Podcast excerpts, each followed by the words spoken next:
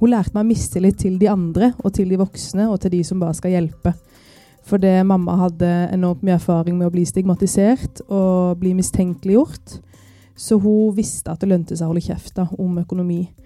Og selv om hun aldri sa det til meg, så lærte jeg det gjennom hvordan kroppen hennes bevegde seg, hvordan stemmen hennes hørtes ut, og hva hun prata om i ulike rom. Og så tolka jeg ut ifra det temmelig kjapt om vi var et trygt rom eller utrygt rom.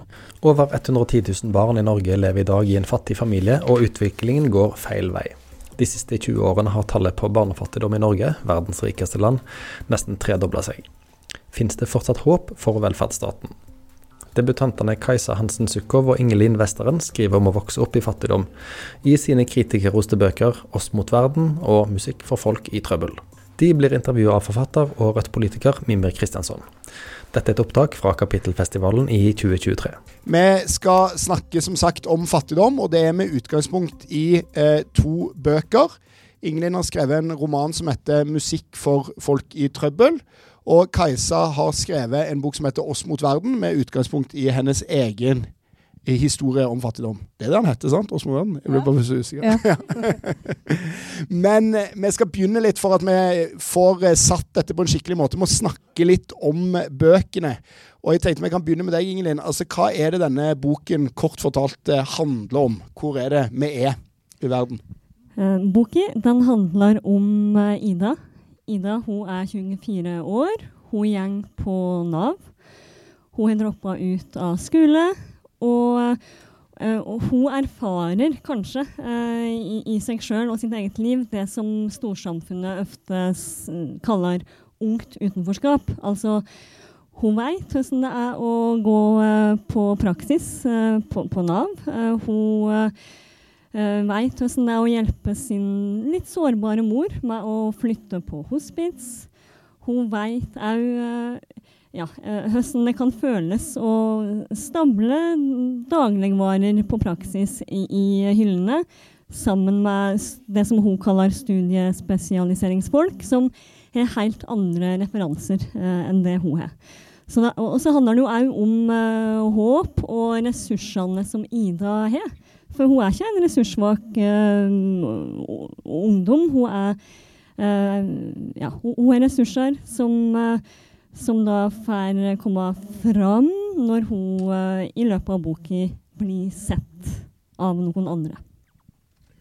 Og Ida, hun, vi skal snakke litt mer om det senere, men Ida er jo fra en familie der problemer med fattigdom, og særlig rus, da, i den, de familiene har gått i arv i flere generasjoner. Altså, hun har ikke hatt så mange gode sjanser eh, fra barnsben av, eller?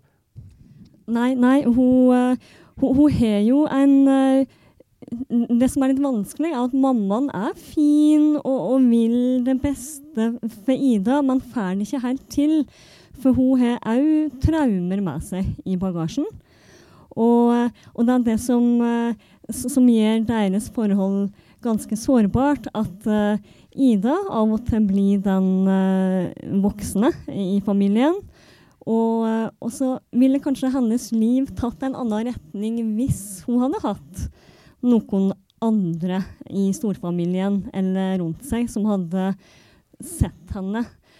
for hun opplever jo at det ikke er plass til, til henne i det her stressende og, og, fattige miljøet som hun vokser opp i.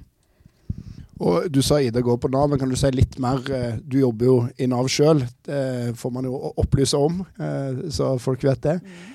Men, eh, men, kan du si noe mer konkret? Altså hvilke Det er jo massevis av folk i Nav-systemet på en myriade med forskjellige ytelser som man skal være ekspert for å, for å navigere i. Kan du si litt om hvilke av de ytelsene Ida er innom? Mm, ja, hun er jo letta. når vi møter henne i boka, så er hun veldig letta i og med at hun har kommet ivig på arbeidsavklaringspenger. og hun har hatt mange år på sosialhjelp som på en måte, Hvis en skal ha litt sånn hierarki på Nav-systemet, så vil jeg si at sosialhjelp er den ytelsen som er nederst. Og hun er letta i ved at hun ikke trenger å levere kontoutskrift, søke, ikke helt vite, uh, og altså forholde seg til et regelverk som forteller at alle andre muligheter skulle ha vært prøvd ut før du kan få sosialhjelp. Uh, og i det så ligger det jo òg en beskjed om at hun, hun, bør jo bare få seg en jobb. Uh, så hun har vært innom på en måte den trappa her, og er da har jo hatt noen erfaringer med en boligkonsulent på Nav som så henne og skaffa henne en bolig når hun trengte det. Så det er liksom litt nyansert, men uh, hun har i hvert fall hatt et Hun har hatt uh, stort behov for Nav sine tjenester da, i, sitt, i sitt liv. Og, og, når jeg leser boka, dette er veldig Altså, Jeg ser på meg sjøl, det er mulig at jeg har for høyt sjølbilde, men jeg ser på meg sjøl som en person som er ganske forståelsesfull overfor folk som er i Nav-systemet, har dårlig råd. Men jeg heller klarer jo ikke fri meg fra å være frustrert når jeg leser boken og tenker kan ikke hun dama bare skjerpe seg? Få seg jobb. er det så vanskelig? Altså, Hva er det som gjør det så vanskelig for uh, Ida å gjøre det som, som alle velmenende eh, psykologer, veiledere, alle som er rundt du sier, tante og bestemor og vennene Kom igjen, da. Bare, bare les på prøven. Bare stå opp. Ikke, gå, ikke røm fra praksisen du jobber i. De tingene der. Hvorfor, hvorfor er det så vanskelig, tenker du? Jo, nei, jeg tror nok at det, det svaret på det starta jo lenge før hun f.eks. stand på en praksisplass. Og at uh, den herre det er jo mindreverdighetsfølelsen som jobber i henne, og den er enormt sterk. Uh, og den Det jeg prøver i boka, er, å få fram at det ikke bare er sånn å skjerpe seg vekk fra noe som på en måte storsamfunnet òg kommuniserer til deg. at hun har ikke de referansene som de hun møter, har. hun veit ikke helt hvordan de som jobber på praksisplassen, forholder hensikt til henne når hun kommer fra Nav. Har Nav sagt noe om henne? hun er jo i en mye mer sårbar situasjon enn hennes kollegaer da, f.eks. på jobben. Så det er, selv, ja, det er, jo ikke latskap som gjør at hun eh, ikke uh, står i den jobben, men det handler om de her uh, ja, grunnmuren. Mangel på fotfeste allerede fra skole, barnehage, familie, storfamilie.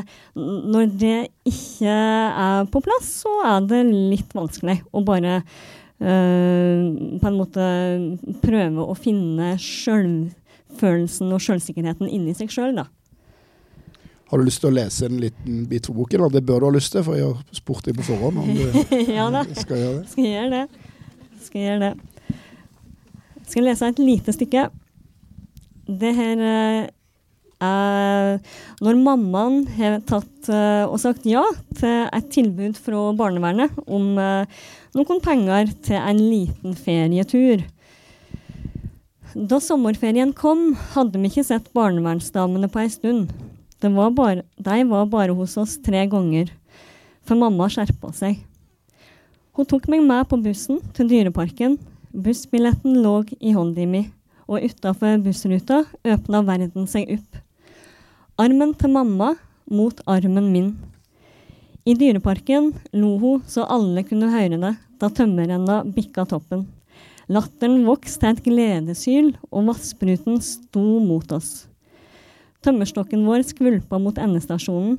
En ung gutt rekte ut handa, og mamma let han hjelpe seg opp. Latteren inni henne ville ikke ta slutt, og gutten begynte å le, han òg. Vi blei stående på den åpne plassen ved siden av renna. Mamma så på tømmerstokkene som bikka over kanten, og jeg så på smilet som hang fast i ansiktet hennes.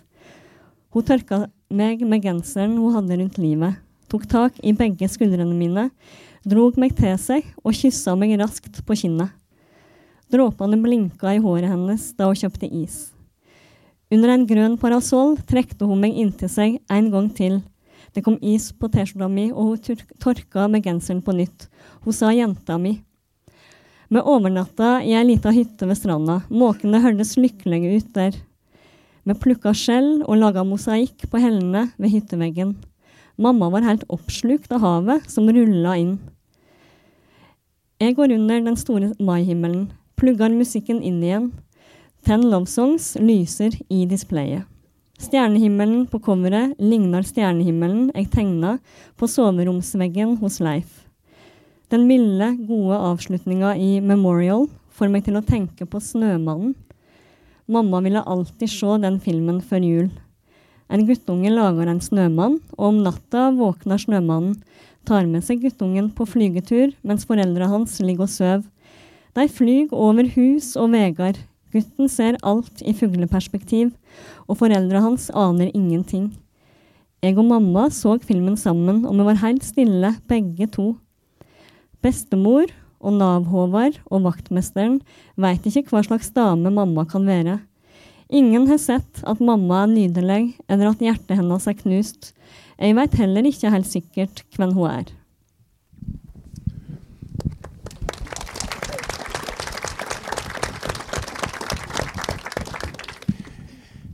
Kajsa, eh, din bok handler jo eh, ikke om eh, Altså, det er jo ikke en roman. Det er jo din egen, din egen Ja. fortelling, fortellingen om deg. Kan du si litt om, om utgangspunktet for ditt liv, på en måte, eller, eller hvor det For du har jo òg vokst opp i fattigdom, på en måte. Altså hvor, hvordan det arter seg. Ja. Um, vi hadde en litt røff start på livet. Pappaen min døde når jeg var fire-fem år, så mamma var enke når hun var 22. Og så er det jo sånn at en ulykke kommer sjelden alene. Så fem måneder etter faren min døde, så brant huset vårt like rett ned. Eh, og da hadde ikke mamma ordna med innboforsikring, så den jula når jeg ble fem år, feira vi i en campingvogn på tomta til noen venner. Eh, for det var det alternativet vi hadde råd til, skulle jeg si. Eh, så jeg fikk en litt røff start på livet, og en litt dårlig hånd med kort utdelt fra start. Eh, og lærte av mamma, uten at hun sa det til meg med ord, at eh, hun lærte meg mistillit til de andre, og til de voksne, og til de som bare skal hjelpe. Fordi mamma hadde enormt mye erfaring med å bli stigmatisert og bli mistenkeliggjort. Så hun visste at det lønte seg å holde kjeft om økonomi. Og selv om hun aldri sa det til meg, så lærte jeg det gjennom hvordan kroppen hennes bevegde seg, hvordan stemmen hennes hørtes ut, og hva hun prata om i ulike rom. Og så tolka jeg ut ifra det temmelig kjapt om vi var i et trygt rom eller utrygt rom. Så det her har jeg på en måte tatt med meg fra barndommen til ungdomstid og til voksenlivet, da. Eh, så jeg kjenner meg litt igjen i det du, eller, det du har skildra i det siste du leste der, at eh, det er ingen som vet helt hvor eh, klok og fin mamma er. Og litt på samme måte har jeg hatt det. fordi på skolen så lærte vi jo at vi vokser opp i et av verdens rikeste land, og så stemte ikke det helt med min erfaring, da. Um, jeg visste ikke at helsetilbudet var gratis, for jeg kjente til folk ganske tett på meg sjøl som ikke hadde råd til å gå til tannlegen, som ikke kunne tygge ribbesvoren til jul, eh, og som ikke hadde utdanning. Men så heter det seg at det har alle i Norge krav på på lik linje, og alle har like rettigheter til å få det til. Så da ble det på en måte litt sånn hvis du er fattig i Norge, så har du dritt deg ut. Det er noe galt med deg, og du er selvforskyldt situasjonen din. Så jeg begynte å leite etter tegn og symptomer på at jeg og mamma var dumme. For det var jo litt som det jeg hadde lært. Så jeg så meg sjøl veldig ut ifra samfunnets blikk, da. Eh, og mistenkeliggjorde meg sjøl, og ga meg sjøl ganske mye hard kritikk før jeg lærte noen nye ting, da, ganske seint i livet. Og det, altså det, Du er jo inne på det allerede, men har du alltid visst at du var fattig, eller hvor på en måte tidlig er det du liksom skjønner hvor, tydelig det blir at dere har dårligere råd enn det som er si, vanlig? da, At dere er på utsida? Ja. Um, jeg husker ikke helt sånn eksakt, men jeg husker at uh, vi lærte om barnetrygd på skolen. Uh, og at uh, mange av klassekameratene mine rakk opp hånda og fortalte at mamma og pappa sparer de pengene. Og de visste akkurat hvor mye penger de fikk når de ble 18 år. Uh, og så var det en annen glup gutt i klassen som sa at ja, foreldrene deres er dumme, for dere må jo spare i fond. Da er det mye mer, liksom. Hjem. Sindre Finnes, du gikk på skolen da? ja, det var han faktisk. Nei. um, så kom jeg hjem og gleda meg til å bli 18 og bli rik. Jeg hadde veldig store forhåpninger om det. Men så sa mamma allerede da at uh, det er forskjell på folk, Kajsa. Så sa hun jo at de som har råd til å spare den, de trenger den ikke. Uh, men at barnetrygden min gikk til støvler og regnjakker og nødvendige ting. da. Så jeg fikk noen sånne små hint og drypp underveis, men hun brukte aldri ordet fattig. Og ingen rundt meg beskrev livet vårt med det ordet heller. Så jeg skjønte ikke at det vi strevde med, og det vi drev og skjulte, det var at vi var fattige. Jeg visste bare at det var farlig å innrømme ting ved livet vårt, på en måte. da. Og det må jo være en veldig sånn eh, altså det er jo, Vi skal snakke litt mer om skam og sånn senere, men det å skrive om dette nå, liksom, altså hvordan eh, Hvor enkelt har det vært, på en måte? For det er jo en veldig utleverende skildring. Eh, og på en måte, man må jo være, tenker jeg iallfall, ganske trygg. Kom på et ganske trygt sted for å, for å skrive noe sånt. Altså, hvordan har det vært å, å legge alt fram som du har jobba så lenge for å holde skjult i livet ditt før? Ja, det var jo ikke planen i det hele tatt. Um, det har vært ganske vanskelig, fordi alt jeg skriver i boka, må jo være sant. Eh, så jeg har jo lett gjennom gamle dagbøker og gamle vedtak fra Nav og skattemeldinger og skattetrekk på lønn og alt mulig rart. Eh, jeg måtte faktisk en liten runde til psykolog òg for å rydde opp i ting. For det, når jeg dykka ned i det igjen, så kjente jeg den der raske pulsen kom tilbake ganske fort. Men det er sant som du sier. Eh, når jeg skrev boka, så var jeg trygg. Og jeg følte meg rik for første gang i livet. Um, boka slutter jo på fattighuset hvor jeg og mannen min måtte hente ut mat for, i 2020. Jula 2020, tror jeg det var. 2019. Um, og etter det så starta vi en jobb som varte i halvannet år, med å betale ned inkassogjeld, som jeg hadde hatt uh, med meg fra jeg var uh, 20. Uh, for gamle strømregninger og barnehageregninger og ting og tang jeg ikke hadde hatt råd til. Eh, som jobba knallhardt i halvannet år ved siden av 100% jobb. Så jeg har alle mulige strøjobber. Jeg har fjerna asbestkledning. Jeg har stått eh, nakenmodell, så jeg har 150 nakentegninger av meg sjøl hjemme. Jeg vet ikke hva jeg skal gjøre med de. Eh, jeg har gått tur med masse bikkjer og alt mulig du kan tenke deg for å tjene ekstra penger. Så når vi da var på null, eh, så satte vi oss et sykt hårete mål, og det var å spare opp 10 000 til en bufferkonto. Så greide vi det. Uh, og da følte jeg meg rik for første gang i livet. Nå vet jeg åssen Røkke har det hver gang han våkner. Uh, og hvis vaskemaskinen røyk da, så var vi liksom beredt, da. Vi ble ikke vippa fullstendig av pinnen og måtte surre oss ned i en grøft og klore oss opp igjen. Um, så det var først når jeg fikk liksom litt kontroll, uh, bufferkonto, kunne puste helt ned, slutte å gnisse tenner om natta og klare å være til stede i øyeblikket her og nå, um, hvor jeg begynte å legge litt merke til hvordan snakker vi om de fattige. Og Jeg følte ikke det stemte helt, så jeg hadde lyst til å si noe om det. da. Mm. Og, og, jeg tenker også bare sånn at folk er klar over det, for i boka di så er det jo denne oppveksten, og så treffer du mannen din, og så på en måte blir jo du mor, og så havner du i et slags sånn uh, Nav-uføre, egentlig etter at du har begynt å komme deg uh, på vei ovenpå igjen, da der du rett og slett blir fanga i skjærsilden mellom Nav Arendal og Nav Kristiansand. Ja. det er mye, mye, verre enn man skulle tro, dette her. Så må ja. du fortelle, fortelle om, bare kjapt om det, for å gi et liksom, bilde på, på hvor, hvordan det kan være. Ja, jeg fulgte den gamle malen med å klippe hår og få seg en jobb. Og da skjønte jeg at imellom der så må det ligge noe utdanning, sånn at jeg får meg en jobb. Så jeg søkte på Universitetet i Kristiansand, en time fra Arendal. Um, kom inn på en studieplass der og flytta. Og da, før jeg flytta, så visste jeg at dette kommer til å bli uh, et helvete med Nav. Det kommer ikke til å gå bra. Så jeg var nede på Nav flere runder og forsikra meg om at nå flytter jeg folkeregistrert adresse, og pengene skulle flytte etter. Det skulle ikke være noe problem. Men det ble et problem, da. Så jeg gikk fire måneder uten noen utbetalinger. Um, jeg ringte han stakkars saksbehandleren i Arendal hver dag, flere ganger om dagen. Jeg sto på det Nav-kontoret i Kristiansand, og kontorene pekte på hverandre. Um, ingen greide helt å finne ut av det. Så um, der var det en situasjon hvor jeg står i Nav-kontoret i Kristiansand, en sånn svær hall, og å forklare en dame som jobber i skranka, da, om at eh, nå er det så ille at jeg ikke har mat hjemme. Og hun snakker ganske høyt tilbake, som at vi kommenterer været. Så jeg begynner å hviske. Eh, og så blir situasjonen så desperat at jeg må ikke begynne å grine, for jeg er med meg dattera mi. Men så ender det da med at eh, hun følger meg over veien med et sånt Nav-skilt rundt halsen. Eh, så følger hun meg rundt i butikken, hvor jeg kan få kjøpe mat da, for 800 kroner. Um, og så minner hun meg stadig på at det ikke er lov å kjøpe rusmidler på, på nødhjelp.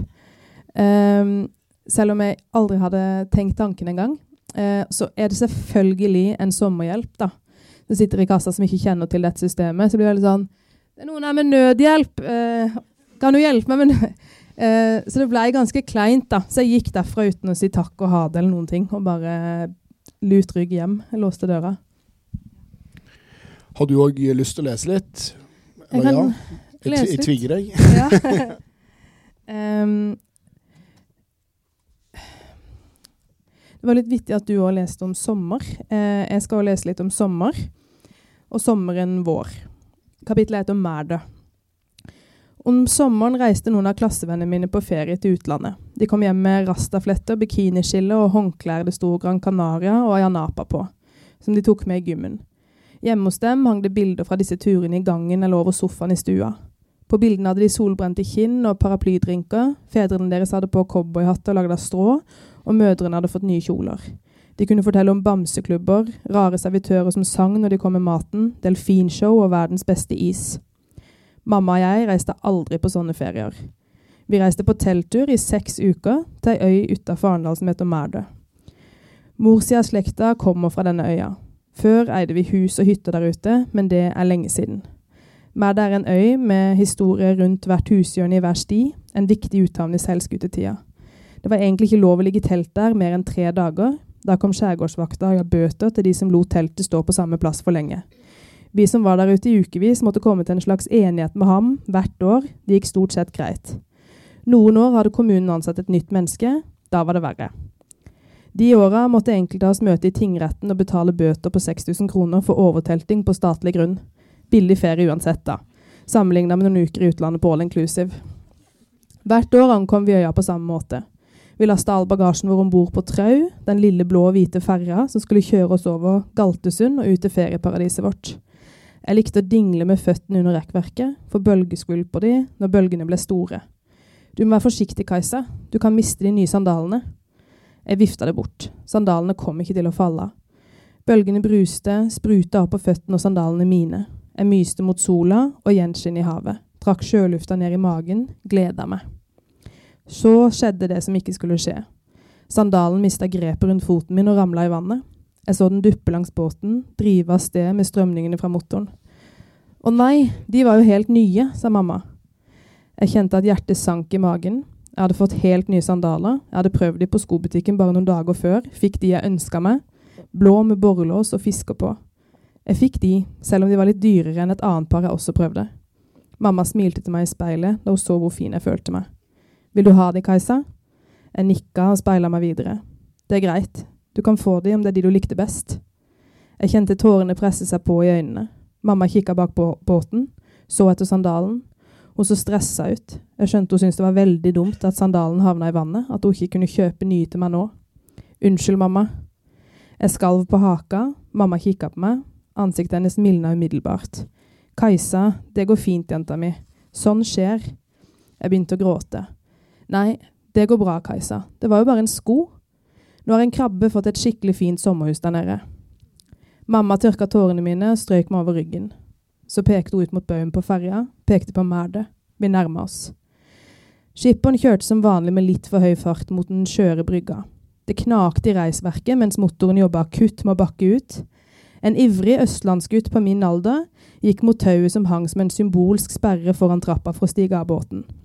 Skipperen kom ut, spytta over ripa, satte sneipen i munnvika og fortalte guttungen, uten å se på mora, at han skulle være jævlig forsiktig med å røre tauet hans. Kom, kom du i klem mellom ferja og brygga, kunne du daue på flekken. Etter han hadde gitt gutten en lekse, tok han tak i tauet og løsna den symbolske låsen, før han rakte opp hånda med ryggen til oss. Røyken sto over huet hans. Han røyka uten å bruke hender. Så, kom her, Trude, jeg skal hjelpe deg å bære. Han ga tegn med handa om at mamma skulle komme fram til han. Så ga han tegn til de andre turistene om at de måtte flytte seg, så han kom gjennom folkemengden. Han greip tak i sekker, feltseng og søppelposer med mammas tepper og dyner. Så, sa han, og jagde folk unna. Overalt ellers var vi en del av statistikken. Barn som vokser opp i fattigdom, enslig forsørger, ung ufør, fattige. Men her på øya vår var vi kongelige. Dronning og prinsesse Mærdø. Skipperen passer på oss. Du rører faen ikke tauet hans, din snørrvalp. Vi skal av først.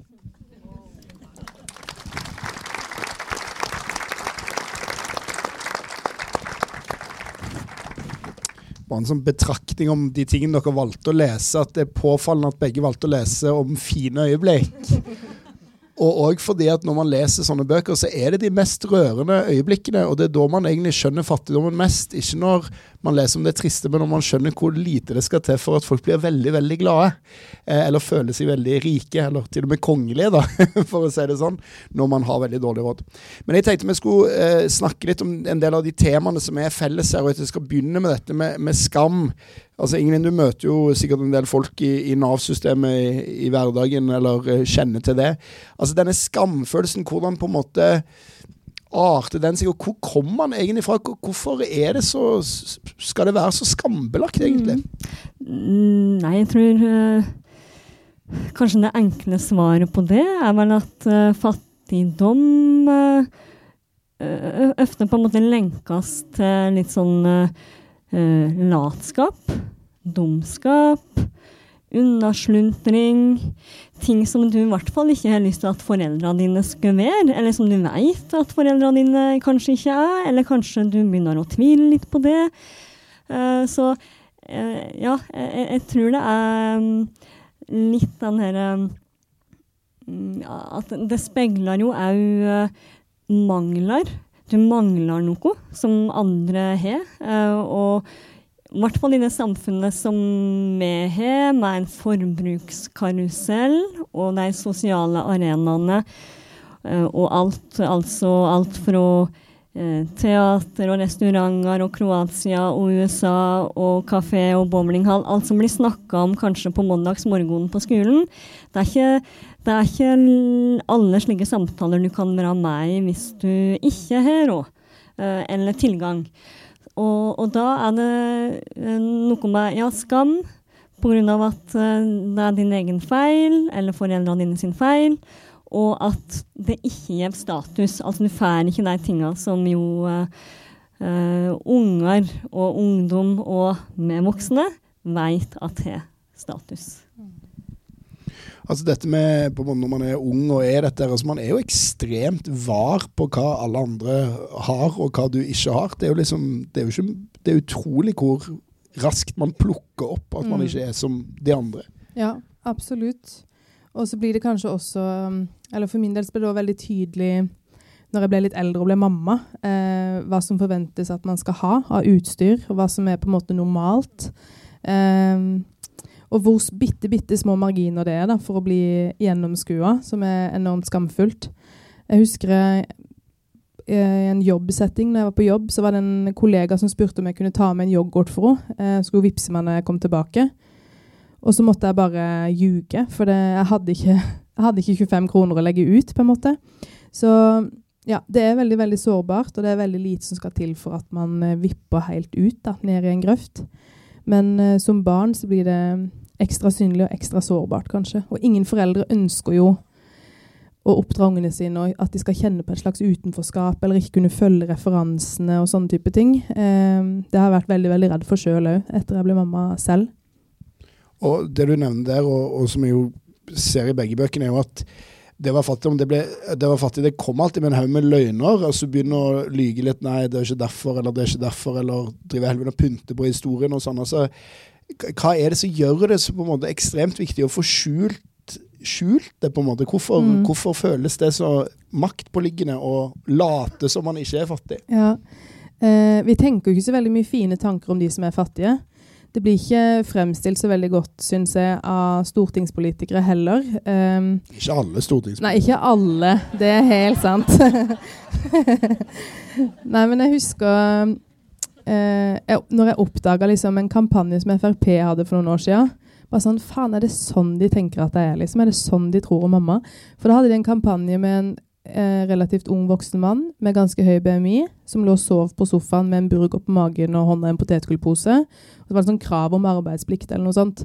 Eh, og hvis det er liksom et rådende bilde av hvem de fattige er, så provoserer det meg helt enormt. da. For jeg kjenner meg veldig veldig ressurssterk. Eh, men jeg opplever ikke alltid at det har vært rom for å vise de sidene av meg i de kontorene jeg har vært nødt til å forholde meg til. da. Jeg blir, eller jeg har opplevd meg umyndiggjort og mistenkeliggjort og eh, blitt sett på som litt dum, da. Jeg har vært på sånn Jeg husker ja, når jeg søkte om nødhjelp en gang, så ble jeg sendt på et sånn CV-kurs. Første dagen så skulle vi lære å åpne Word, liksom, eh, og stille inn skrifttypen, på en måte. Eh, jeg føler jo ikke på en måte at de ser kompetansen og, og ja, kapasiteten jeg har, da. Nei, for Det er jo veldig tett knytta til at det er din egen feil, på en eller annen måte. Altså At det ikke er et uh, samfunnsproblem, men et eller annet uh, som uh, liksom er galt med deg. Noe du har gjort, og noe som du må gå og skamme deg for sjøl. Og sånn sett slipper jo kanskje vi andre å skamme oss over at folk er fattige i et samfunn som er veldig rikt, for da kan de holde det skjult og gå og lide med det sjøl. Men som representant for Nav Nei da. Men, men, men, hva er det som er årsaken? For Nav er jo, er jo altså, du skildrer jo dette veldig bra. altså Den frustrasjonen, forsøkene på å navigere i det systemet. Alle som jobber i Nav, kjenner jo dette bedre enn en vanlige folk, holdt jeg på å si òg. Men det er et annet sånn Nav er jo egentlig et enormt fin ting. altså er jo til for å hjelpe folk og holde folk i live, og noe vi skal være veldig stolte av. Hva er det som går galt der, som gjør at så mange folk blir til slutt så eitrende forbanna på Nav, da?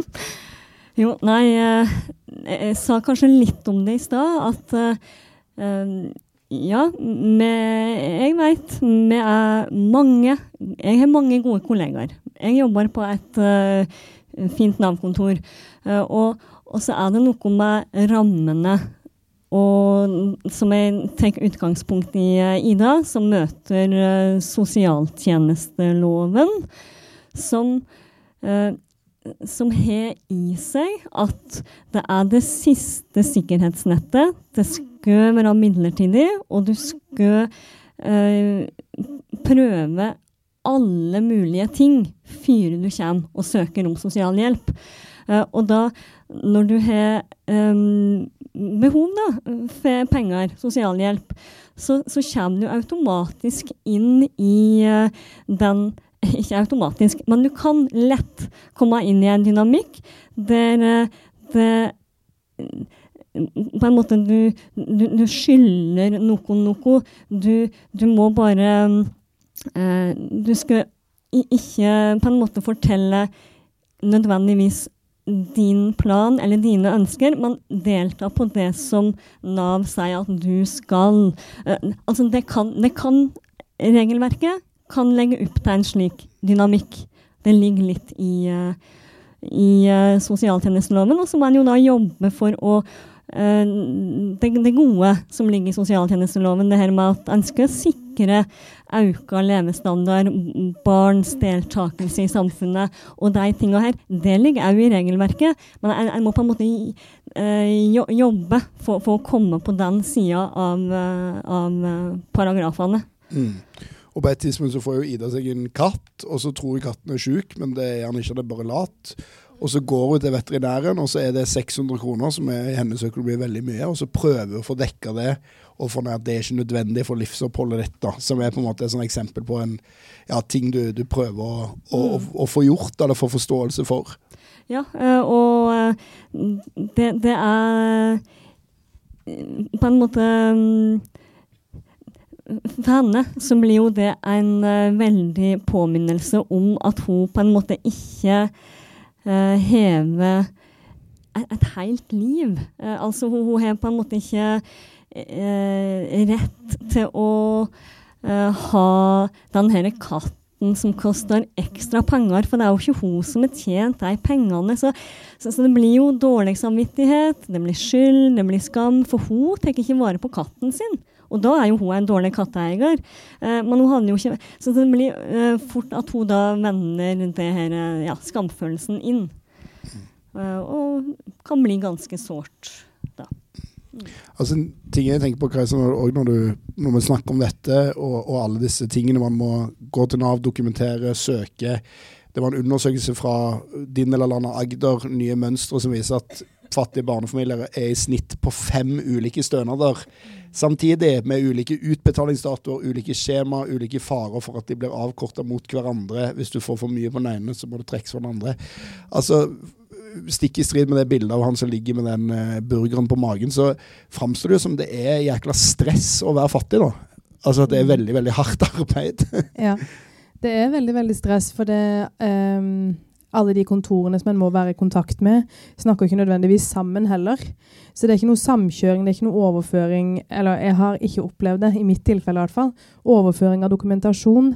Eh, så det er òg en sånn følelse at en står og repeterer en monolog som er ganske sensitiv og sår om ens eget liv, til vilt fremmede mennesker så mange ganger at den historien til slutt føles helt fremmed.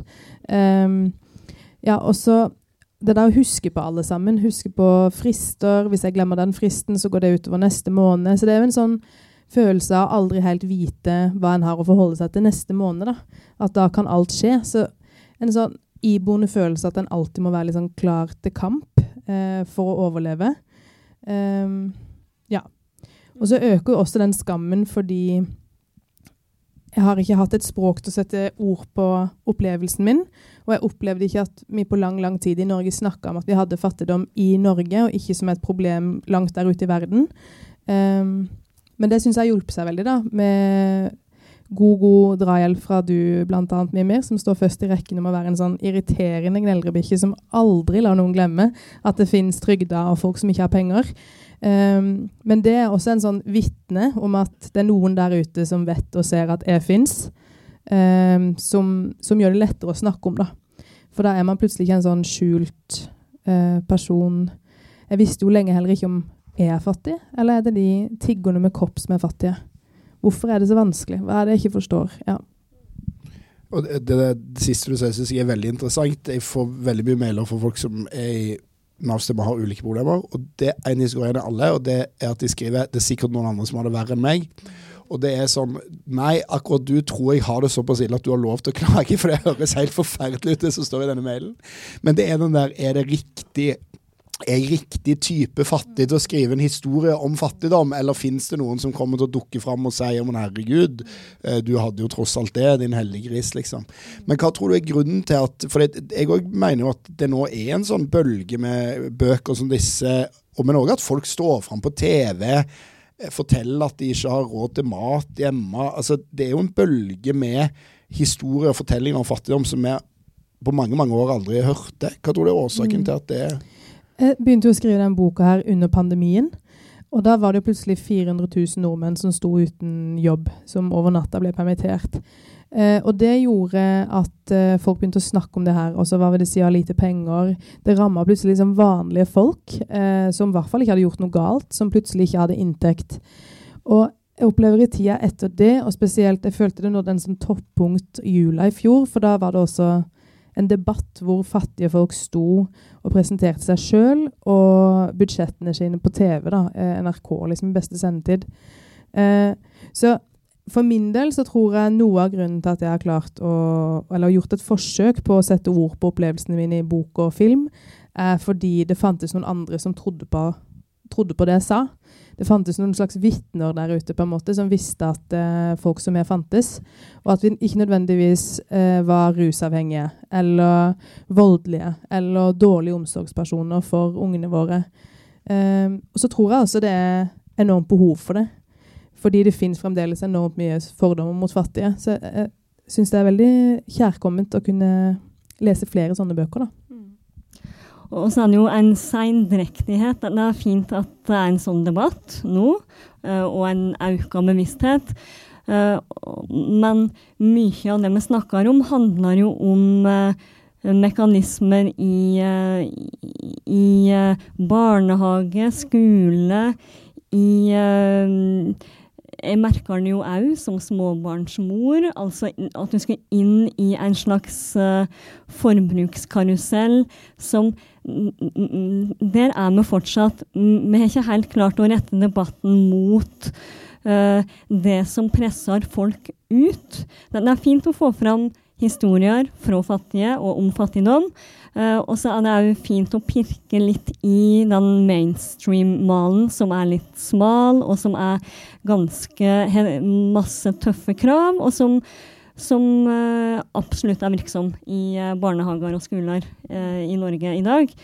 Og som som tar på en måte lang tid å få, retta blikket mot ja, mangel på mestring hos den enkelte barn, handler ikke nødvendigvis om uh, bare individets feil, men altså rette blikket mot de her større strukturene i uh, bl.a. utdanningssystemet. Da.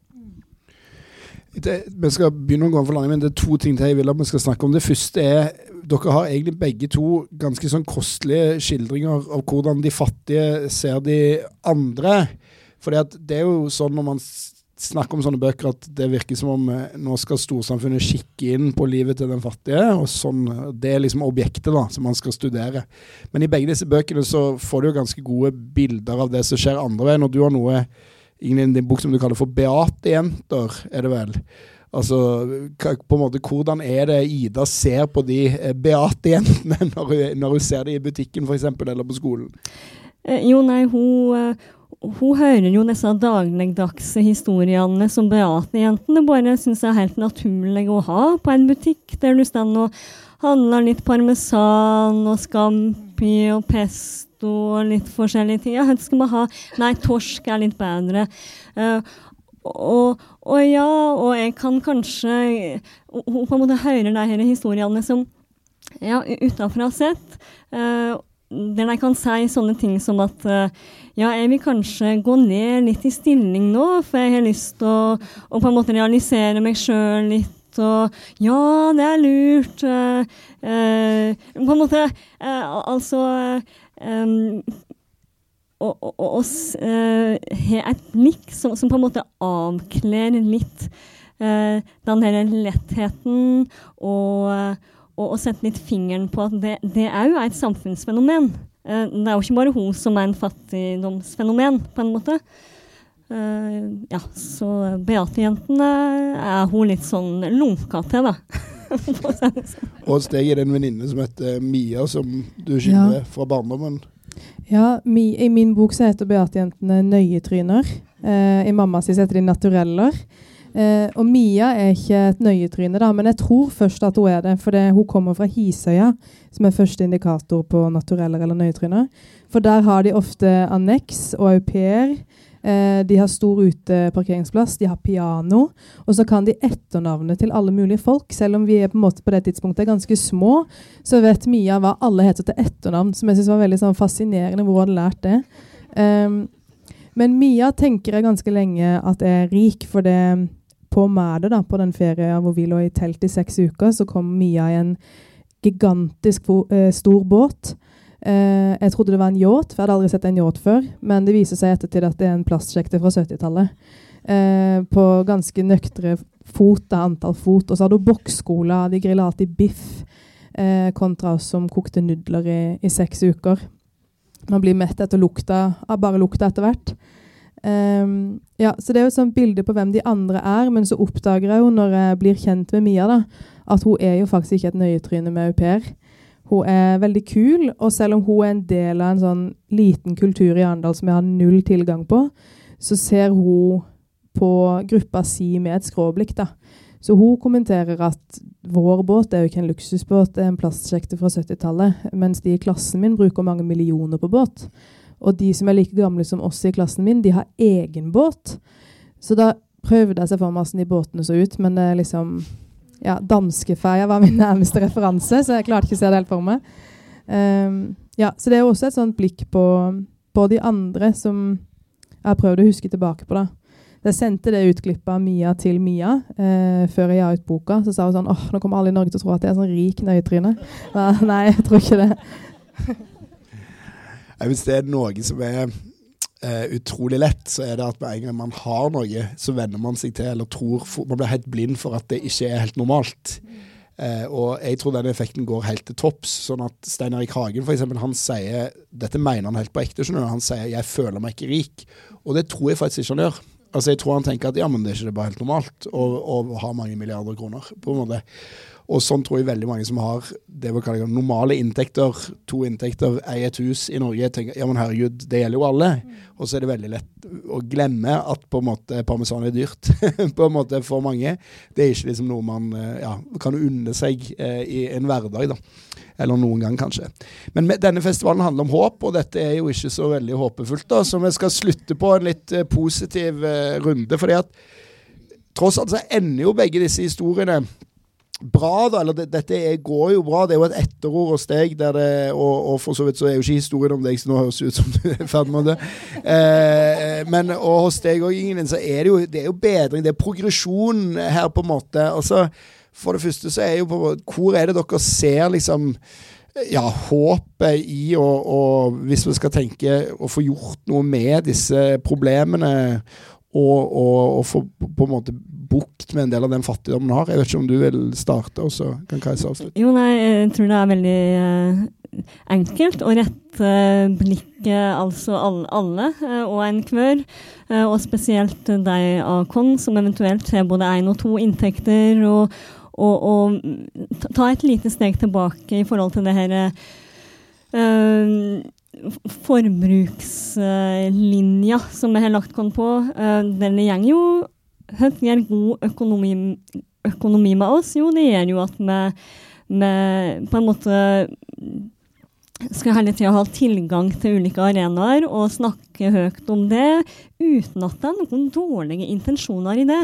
Men det vil likevel utspille seg i, uh, i neste generasjon, da, at der vi forskjellene på en måte befeste seg. Så, og, og, så ligger det jo mye kraft i sivilsamfunnet i forhold til å, å, se den ungen som er litt stille, eller som ikke fikk sånn helt være med. Altså, det ligger mye kraft i det. Eh, og så er det òg jeg vil nok si at vi har gått en enorm vei fra uh, sosialkontoret og moralisme på uh, 80-tallet og til et Nav-kontor i dag.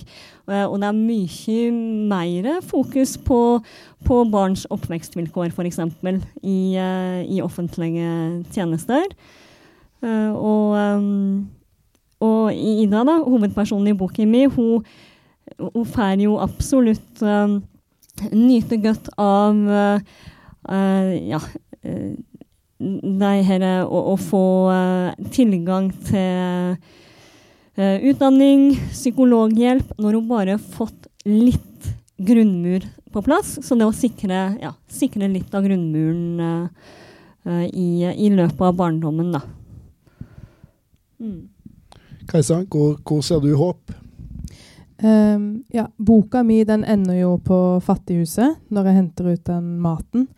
Uh, men så hadde jeg behov for å skrive et etterord, for det året før så er jeg ute en kortfilm som egentlig handler om mye av det samme, men som handler, inn, uh, som handler om tida under korona, eller rett før koronaen kom til Norge. da. Um, og det som skjedde når den filmen den ble kjøpt opp av Aftenposten, så nå har den blitt sett uh, 30 000 ganger, faktisk. Eh, men det som skjedde når den begynte å bli delt i sosiale medier, var at vilt fremmede folk som ikke kjente meg, begynte å vippse meg penger. Eh, så de søkte meg opp og fant nummeret mitt, og så vippsa de meg penger. Og det var jo bare supergodt ment, men det var også, eh, jeg syntes det var kjempeubehagelig. Så jeg vippsa det alltid tilbake og tipsa om plasser de kunne støtte hvis de hadde lyst til å gjøre noe med saken. på en måte. For det, på det tidspunktet så hadde, levde jeg et helt annet liv. Altså Jeg hadde jo bufferkonto, jeg hadde jo rolig søvn, jeg hadde mat i kjøleskapet og sånn. Så jeg insisterte litt på å skrive et etterrom som sa noe om at livet mitt har endra seg nå. Um, men den som på en måte er antihelten i min bok, det er jo dessverre Nav. Um, så det som jeg håper folk kanskje legger merke til, som jeg har prøvd å sette ord på, er nettopp kraften i å være et godt medmenneske. Det som redda meg, på en måte, var jo at jeg hadde noen kjempegode venner. Jeg hadde noen gode lærere. Jeg hadde en jæklig god fritidsleder på ungdomsklubben min. Um, ja, og jeg hadde noen gode naboer som hjalp meg når ting var krise. Uh, så en skal aldri undervurdere det å være et godt medmenneske. Jeg hadde også en mamma i klassen til dattera mi som jeg visste var arkitekt. Men hun la ned en sånn veto at vi bruker ikke mer enn 50 kroner på bursdagsgaver i klassen vår. Og da kjente jeg en sånn enorm lettelse. For hun tok en for meg, på en måte, uten at jeg trengte å be om det. Så eh, ikke undervurder å være et godt medmenneske. Men samtidig så er det jo også trist da, at Eh, det står 100 000 mennesker i, i matkø i Norge i dag. Og hver dag eller hver uke i min lokalavis så leser jeg om nye folk som er berørt av eh, fattigdom, og som mangler ressurser. Så et jækla hårete mål er jo at eh, vi skal gjøre systemet mer brukervennlig. Eh, og at ikke det skal være sånn at en har syv ulike utbetalinger på ulike tidspunkt, hvor ingen av de er høye nok til å betale hus, eh, husleia. For det eh, er et veldig komplekst system som det er lett å gå seg vill i, og mange unødvendige snubletråder da. Så det er det store håpet. Revolusjon på Nav.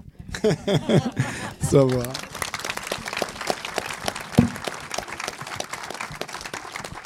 Tusen tusen takk til dere begge to. Ingen inn i kassa. Jeg tror det, de fleste er, eh, er godt fornøyd med samtalen. Det er i hvert fall sånn å tolke bare nikkingen og mmingen, som er de beste tegn. Så takk for at dere kom, og tusen takk for at dere var her og stilte opp. Takk. Tusen takk.